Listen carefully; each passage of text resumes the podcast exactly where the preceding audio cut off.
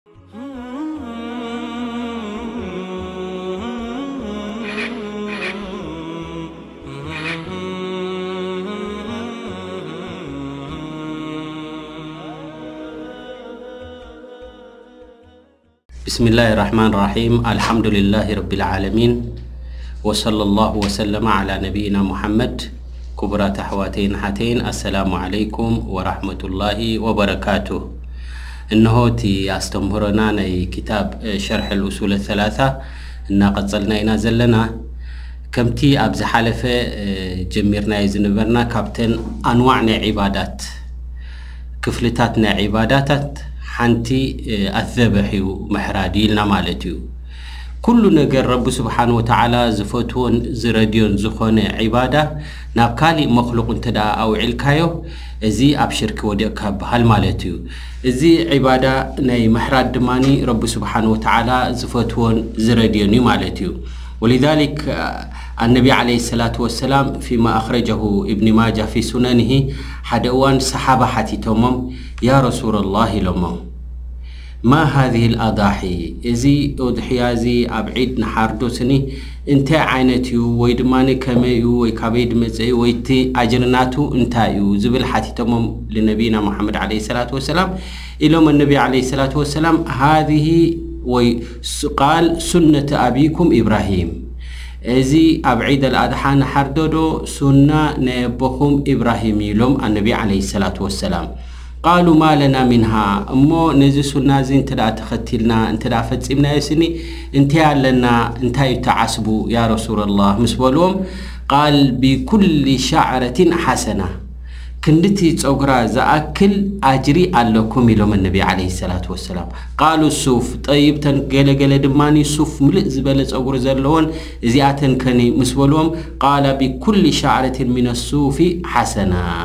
ብኩሉ ነፍሲ ወከፍ ናይቲ ጸጉሪ ክንድኡ መለክዒ ዝኣክል ኣጅሪ ኣለኩም ኢሎሞም ኣነቢ ዓለይሂ ሰላቱ ወሰላም። ኢዘን እዚ ዒባዳ ስለ ዝኾነ ብጀካ ንረቢ ሱብሓነሁ ወተዓላ ተዘይኮይኑ ክፍጸም ዘሎ ናብ መኽሉቕ ክተውዕሎ የብልካን ማለት ኢዩ። እታ ኣያ ቁል ኢነ ሰላቲ ወኑሱኪ ወማሕያየ ወመማቲ ሊላሂ ረቢል ዓለሚን ትብል እታ ኑሱክ እንታይ ምዃና ርኢና ማለት እዩ ከምኡ ውን ኣላህ ስብሓን ወተዓላ ወሊኩሊ ኡመቲን ጀዓልና መንሰካ ኢሉ ማለት እዩ ብድሕሪኡ ማለት እዚ ተገይሩ ዘሎ እዚ መንሰክ እዚ ዕላምኡ እንታይ እንት ኢልካ ልየዝክሩ ስመ ላሂ ዓላ ማ ረዘቀሁም ሚን በሂመት ልኣንዓም ረቢ ስብሓን ወተዓላ ዘኪሮም ክሓርዱን ከምኡ ድማ ረቢ ስብሓን ወተዓላ ከመስግኑን ምዃኑ ምስ ገለጸ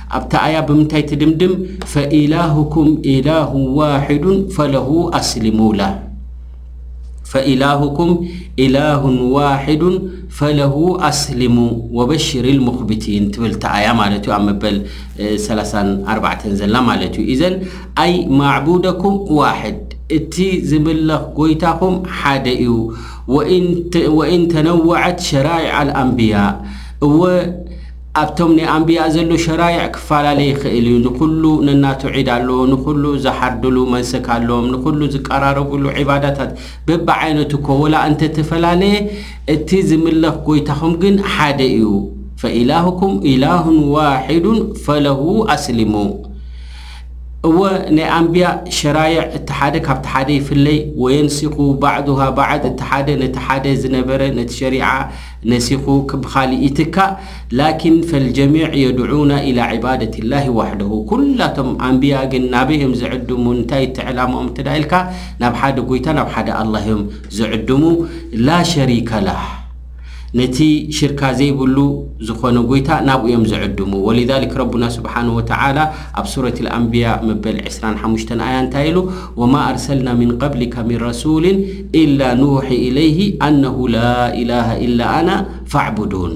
እዘን ዝኾነ ይኹን ልኡኽ ቅድሚ ነቢና ሙሓመድ ዓለ ሰላት ወሰላም ዝመፁ ይኹኑ ከምኡውን ሪሳላ ናይ ነቢና ሙሓመድ ዓለ ሰላት ወሰላም እንታይ ድሓዘ እንተልካ ረቢ ስብሓን ወተዓላ ዋሒ ዘውርደሎም መልእኽቲ ዘውርደሎም ኣነሁ ላኢላሃ ኢላ ኣና ፋዕቡዱን ብጀካይ ብሓቂ ክምለኽ ዝግብኦ ጎይታ የለን ንዓይ ጥራሕ ኣምልኹኒ ዝብል እዩ ማለት እዩ። ዳሕራይ እታ ኣያ እንታይ ኢላ ደምዲማ? ፈለሁ ኣስሊሙ ኣይ ኣኽሊሱ ወስተስሊሙ ሊሑክሚሂ ወጣዓቲሂ ያዕኒ ኩሉ ትሰርሕዎ እኽላስ ጌርኩም ብንጽህና ንረቢ ስብሓን ወተዓላ ጥራሕ ኢልኩም ክትፍጽምዎ ኣለኩም። ወስተስሊሙ ሊሑክሚሂ ወጣዓቲ ኩሉ ነፍሲ ወከፍ ረቢ ስብሓን ወተዓላ ድእዝዞ ዝኾነ ንዑ ድማኒ ኣስተስሊምኩም ሕራይ ኢልኩም ምእዙዛት ክትኮኑ ኣለኩም ይብል ማለት እዩ። ደሓር ወበሺሪ ልሙኽቢቲን ኢሉ ነዚ ጉዳይ እዚ ዝፍጽሙ ዝኾኑ እዞም ሙኽቢቲን፣ ኣልሙኽቢቲን፣ መን እዮም እንተ ኢልካ ሁም ኣልሙጥመኢኒን ማለት እዩ። ርግኣት ዘለዎም፣ ኣማን ዘለዎም፣ ሰላም ዘለዎም ማለት እዩ። ኣብ ገለ ገለ ድማ ቐታዳ እንታይ ይብል ኣልሙተዋድዒን ነቲ ረቢ ስብሓነሁ ወተዓላ ድኣዘዞም ሕራይ ኢሎም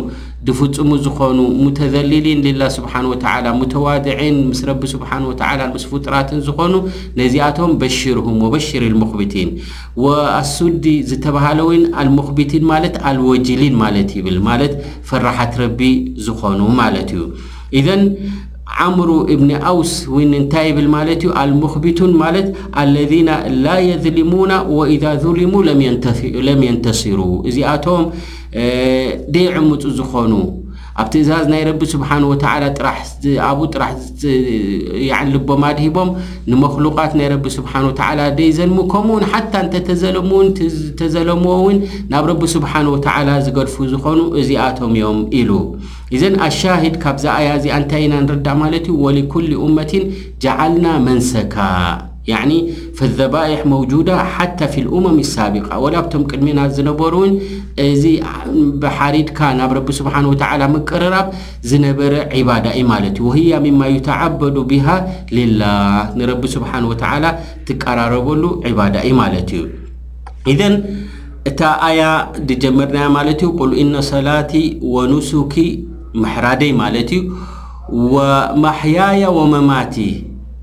ከምኡ ሰላተይ ይኹን ዝሓርዶ ይኹን ሓያት ናተይ ያዕኒ ማ ኣሕያ ዓለይህ ሚነል ኣዕማል ኣሳሊሓ ኩሉ ኣዕማል ኣሳሊሓ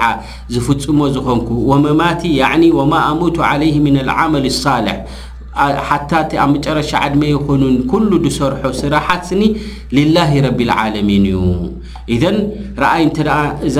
ኣያ እዚኣ እዛ ኑሱክን ሰላትን ዝሓዘት ብምንታይ ኣኹቲማ እንተ ኢልካ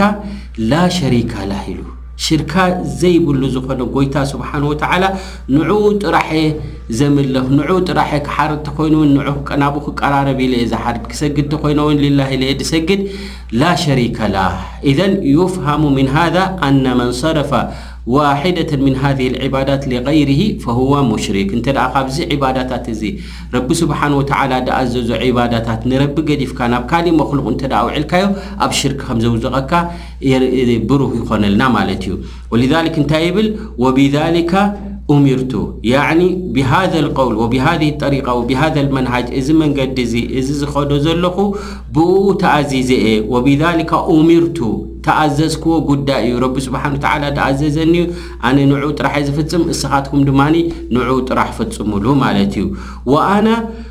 ኣወሉል ሙስሊሚን ኢላ እዛ ኣያ እዚኣ ደምዲማ ማለት እዩ ያዕኒ ኣወሉል ሙስሊሚን ፊ ዘመኒህ ነቢ ዓለይህ ሰላቱ ወሰላም ከምቲ ኣብ ናይ ሰይድና ሙሳ እውን ወኣነ ኣወሉል ሙእሚኒን ኢሉ ማለት እዩ እቲ ኣያት ሙዕጅዛት ናይ ረቢ ምስ ረኣየ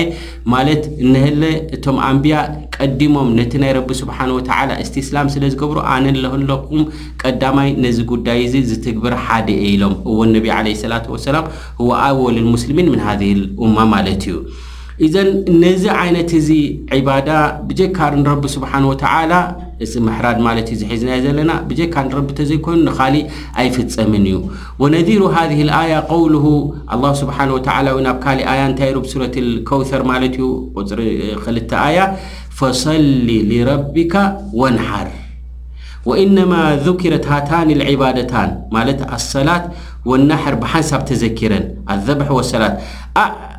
ኣሰላት ኣዕዘሙ ልዒባዳት ልበደንያ ኣብ ናይ ኣካላት ድፍጸም ዒባዳ ፍቱው ዝኾነ ምሩጽ ዝኾነ ናብ ረቢ ስብሓን ወተዓላ ዘቀራርብ እንታይ እዩ እንተ ኢልካ ሰላት እዩ ማለት እዩ ወኣመ ዘብሑ ኣዕዘሙ ልዒባዳት ልማልያ ምሕራድ ድማ እቲ ዝዓበየ ማላዊ ዝኾነ ዒባዳ ናብ ረቢ ስብሓን ወተዓላ ንቀራረበሉ ድማ ብምሕራድ እዩ ማለት እዩ ወሊዛ ነቢ ዓለ ሰላት ወሰላም ንሓደ ነገር ብልጫናቱ ፈድል ናቱ ክገልጹ ከለዉ ብዙሕ ግዜ ምስ ምንታይ ኣተሓሒዞም ይገልጹሎም ነይሮም ማለት እዮም? ብኣልሓይዋናት። ኢዛ ኣራደ ኣን ዩበይነ ፈድል ሸይ ረበጠሁም ብልሓይዋናት ኣለቲ ህያ ነፊሰትን ዕንደሁም። ምኽንያቱ እንስሳ ሰብ ጥሪት ብዝያዳ እውን ይፈልጥዎ ማለት እዮም። ዓብይ ሃፍቲ እዩ ማለት እዩ። እዘን ነዚ ልላህ ኢልካ ናብ ረቢ ስብሓን ወተዓላ ከቀራርበኒ ኢልካ ክትሓርድ እንከለኻ እዚ ዓብዪ ዒባዳ እዩ ማለት እዩ። ግን እንተኾነ ገለ መክሎ ገለ ሰባት ድማ እንታይ ይገብሮ ነዚ ዒባዳ ማልያ ብገንዘቡ ገዚኡ ድዩ ካብ ጥሪቱ ድዩ ናብ ዘይረቢ ዘውዕሎ ኣሎ። ኢዘን እዚ ዒባዳ እዚ ብጀካ ናብ ረቢ ስብሓን ወተዓላ ተዘይኮይኑ ናብ ካሊእ ክውዕል የብሉን ማለት እዩ። ኢዘን ኩላ ግዜ እዘን በሃኢም እዚኣተን ናብ ደቂ ሰባት ፍትዋት ዝነበራ እየን። ወሊዛሊከ ነቢ ዓለይሂ ሰላቱ ወሰላም ሹፍ ብምስምንታይ ይረግጥዎ ነይሮም ነቲ ዓበይቲ ዒባዳታት ምስዚ ናይ እንስሳታት ያዕኒ ዓቢ ትኹረት ወይ ድማ ዓቢ ኣቃልቦ ስለ ዝገብሩለን ዝነበሩ ሓደ ኣሎ ሓዲት ኩላትና እንፈልጦ ማለት እዩ እንታይ ዝብል ነቢ ዓለይሂ ሰላቱ ወሰላም እንታይ ኢሎም ፈወላሂ ኢሎም ለኣን ያህድየ ኣላሁ ቢካ ረጁለን ዋሒዳ ኸይሩን ለካ ሚን ሑምሪ ነዓም ኢሎም ሑምሪ ነዓም እዚኣ እታ ዝበለጸት ብምርጽቲ ዝኾነት ግመል እያ ማለት እዩ ሓደ ሰብ ኣብ ዘይቅኑዕ መንገዲ ኔሩ ወይ ኣብ ሽርኪ ኔሩ ኣብ ክሕደት ኔሩ ናብ ኢማን ክትመልሶ ወይ ካብ መንገዲ ረቢ ወጺኡ ኔሩ ኣብ ኣብ ሕማቅ ኩነታት ኔሩ ናብቲ ጣዓ ናይ ረቢ ክትመልሶ ከለካ ስኒ ኸይሩን ለካ ሚነን ሚን ሑምሪ ነዓም ካብዛ ጽብቅቲ ግመል ብዙሕ ዋጋ ዘለዋ ካብ ትረክብ ነዚ ሓደ ሰብ ተእትዎ ናብ ኼር ንሱ ይበልጸካ ኣጅሩ ናብ ረቢ ስብሓነሁ ወተዓላ ይብሉ ነብይና ሙሓመድ ዓለይሂ ሰላቱ ወሰላም ወሊዛሊክ ረቡና ዓዘ ወጀል ኣብቲ ኣሕዋል ናይ የውም ኣልቅያማ ክገልጽ ከሎ እንታይ ኢሉ ወኢዘ ልዕሻሩ ዑጢለት ኣልዕሻር ህየ ኑቅ ናቃ ማለት እዩ ተን ኣለቲ ህያ ሓሚል ፊ ሻህር ልዓሽር ኣብ መበል ዓሰርተ ወርሒ ክትወልድ እያ ሎሚ ክትወልደለያ እናበለ እንከሎ ቅያማ መፅኣ ምስ ሰምዐ ነዚኣ ቁሊሕ ከይበለ ናብቲ ናይ ቅያማ መፅኡ ዘሎ ጉዳይ የሻቅሎ ወዲ ሰብ ኢሉ ረቢ ስብሓን ወተዓላ በዚ ኣልዕሻር ዑጥለት ኢሉ ረቢ ስብሓን ወተዓላ ሚሒሉ ማለት እዩ ኢዘን ፈሃዛ የዱል እዚ ኩሉ እዚ ንጠቕሶ ዘለና እንታይ ይሕብረና እንተ ኢልካ ዓላ ኣን ነዘብሕ ዒባዳ ምሕራድ ዒባዳ ምዃኑ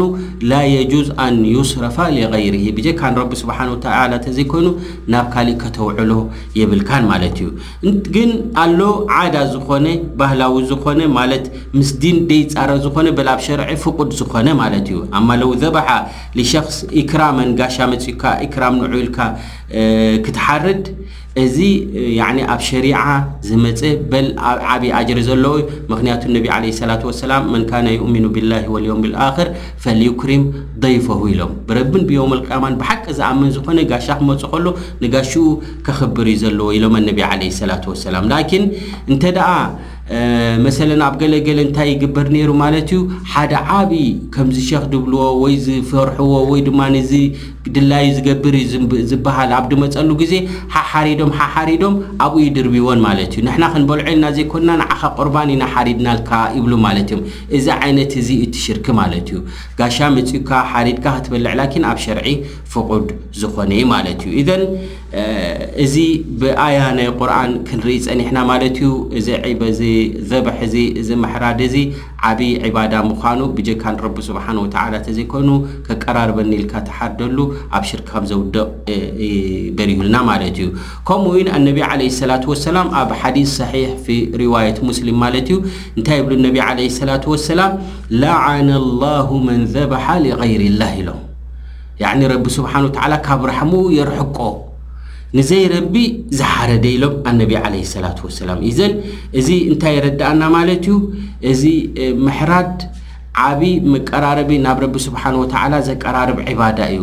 እሞ ኣብ ዘይረቢ ከተውዕሎ ከለኻ ኣብ ላዕና ናይ ረሱል ዓለይሂ ሰላት ወሰላም ትውዕል ኣለኻ ማለት እዩ ለዓነ ላሁ መን ዘበሓ ሊገይሪ ላህ ኢሎም እዚ ኣብ ሪዋየት ሙስሊም ዝርከብ ማለት እዩ ሊዛሊክ ዝኾነ ይኹን ሰብ ኣብ ዝሓርድ ናብ ረቢ ስብሓን ወተዓላ ከቀራርበኒ ኢሉ ሊላህ ኢሉ እዩ ክሓርድ ደለዎ ማለት እዩ ወሊዛሊክ ሓታ መብፅዓ ክኣትው እንከለዉ ብዝሕረድ መብፅዓ ይኣትው ነይሮም ማለት እዮም ምክንያቱ ገለ ሰብ እንታይ ይብል ማለት እዩ እንተ እዚ ጉዳይ እዚ ተፈፂሙለይ ስኒ ያዕኒ ሓደ በጊዕ ሓሪደ ኣብ ክንድዚ ሰባት ክመቕሎ እየ ይብል፣ ወይ ሓደ ከብቲ ሓሪደ ክንድዚ ያዕኒ መሳኪን ከብልዕ እየ ይብል ማለት እዩ። ንምንታይ እዚ ዒባዳ ስለ ዝኾነ ረቢ ስብሓነሁ ወተዓላ ዝፈትዎ ዝኾነ ማለት እዩ። ወሊዛሊክ ኣብ ግዜ ረሱል ሰለላሁ ዓለይሂ ወሰለም ኣብ ሰሒሕ ኣብ ኣቢ ዳውድ ዝርከብ ሓዲስ ማለት እዩ ሓደ ሰብኣይ ነዘር ዓሕዲ ማለት መብጽዓ ኣትዩ ዓላ ዓህዲ ረሱሪላሂ ሰለላሁ ዓለይሂ ወሰለም ኣን የንሓራ ኢብለን ቢብዋና ኣብ ብዋና ዝትብሃለት ቦታ ከይዱ ንክሓርድ መብጽዓ ኣትዩ ማለት እዩ ፋ ናብ ረሱል ዓለይሂ ሰላቱ ወሰላም መጺኡ ኢልዎም ኢኒ ነዘርቱ ኣን ኣንሓራ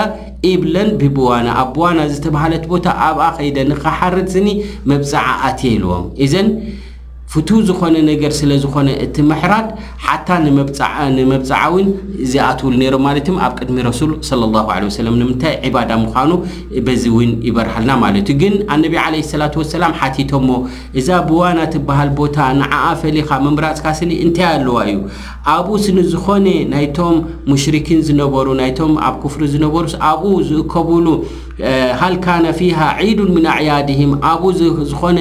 ኣዘከናውንሉ ናይ በዓላቶም ነይሩ ድዩ ኢሎም ሓቲቶሞ ቃሉ ላ ቃላ ረሱሉላሂ ሰለላሁ ዓለይሂ ወሰለም ኣውፊ ቢነድሪክ ኢሎሞ እምበኣር ከምኡ እንተድኣ ኮይኑ እቲ ቦታ ዋላ ሓንቲ ዘይብሉ ሽርኪ ዝካየደሉ ቦታ እንተድኣ ዘይኮይኑ እቲ መብጽዓኻ ፈጽም ኢኻ ኢሎሞ ኣውፊ ቢነድሪክ ፈኢነሁ ላ ወፋኣ ሊነድሪን ፊ ማዕስየቲላህ ወላ ፊማ ላ የምሊኩ በኒ ኢብኒ ኣደም ኢሎሞ ነቢ ዓለይሂ ሰላቱ ወሰላም ኢዘን እቲ መብጽዓዊ ክትኣቱ ከለኻ ያዕኒ ማዕስያ እንተደኣ ኮይኑ ማዕስያ ኣይትፍጽምን ኢኻ ማለት እዩ ወላ እኮ መብጽዓ እንተኣተኻዮ ማለት እዩ ወሃዛ ሚን ኹጡረት ዘበሕ ሊቀይሪላህ እዚ ኩሉ እዚ እንታይ ዘረድኣና እዚ ሓዲስ ናይ ረሱል ዓለይሂ ሰላቱ ወሰላም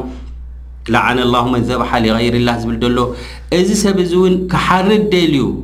እሞ ኣብ ከምዚ ቦታ እዚ ከይደ ክሓርድ ኢሉ መብጽዓ ምስ ኣተወ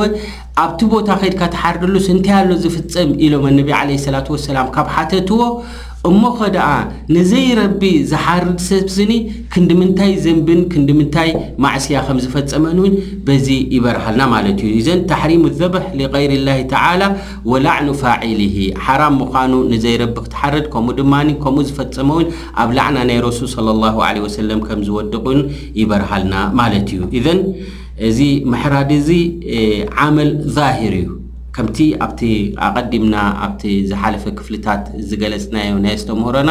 ዒባዳታት በብዓይነቱ እዩ ዘሎ፣ ቃላዊ ዒባዳ ኣሎ፣ ቀልባዊ ኣሎ፣ ዛህር ድኾነ ግዳማዊ ዝኾነ ኣሎ፣ ውሽጣዊ ዒባዳ ኣሎ ኢልና። እዛ ዘበሕ ድማ ኣበይነይቲ ትኣቱ እንተድኣ ኢልና ኣብ ዓመል ዛሂር እያ ማለት እዩ። ግዳማዊ ኩሉ ሰብ ዝርእዮ እዩ ማለት እዩ። ምክንያቱ ኢራቀ ትደም ትሰርሖ ዘለካ ስራሒ ማለት እዩ ኢዘን እዚ ኢራቀ ትደም እዚ ረቢ ስብሓን ወተዓላ ኣብዛ እንስሳ እዚኣ ኣውዒልዎ ዘሎ ምልክት ናይ ህይወት ዝኮነ እዚ ደም እዚ ብጀካ ሊላህ ኢልክ ናብ ረቢ ስብሓን ወተዓላ ተዘይኮይኑ ኣብ ካሊእ ከተውዕሎ ከለካ ኣብ ሽርኪ የውድቀካ ማለት እዩ ኢዘን ክቡራት ኣሕዋት እዚ ዘበሐ እዚ ዒባዳ ምዃኑ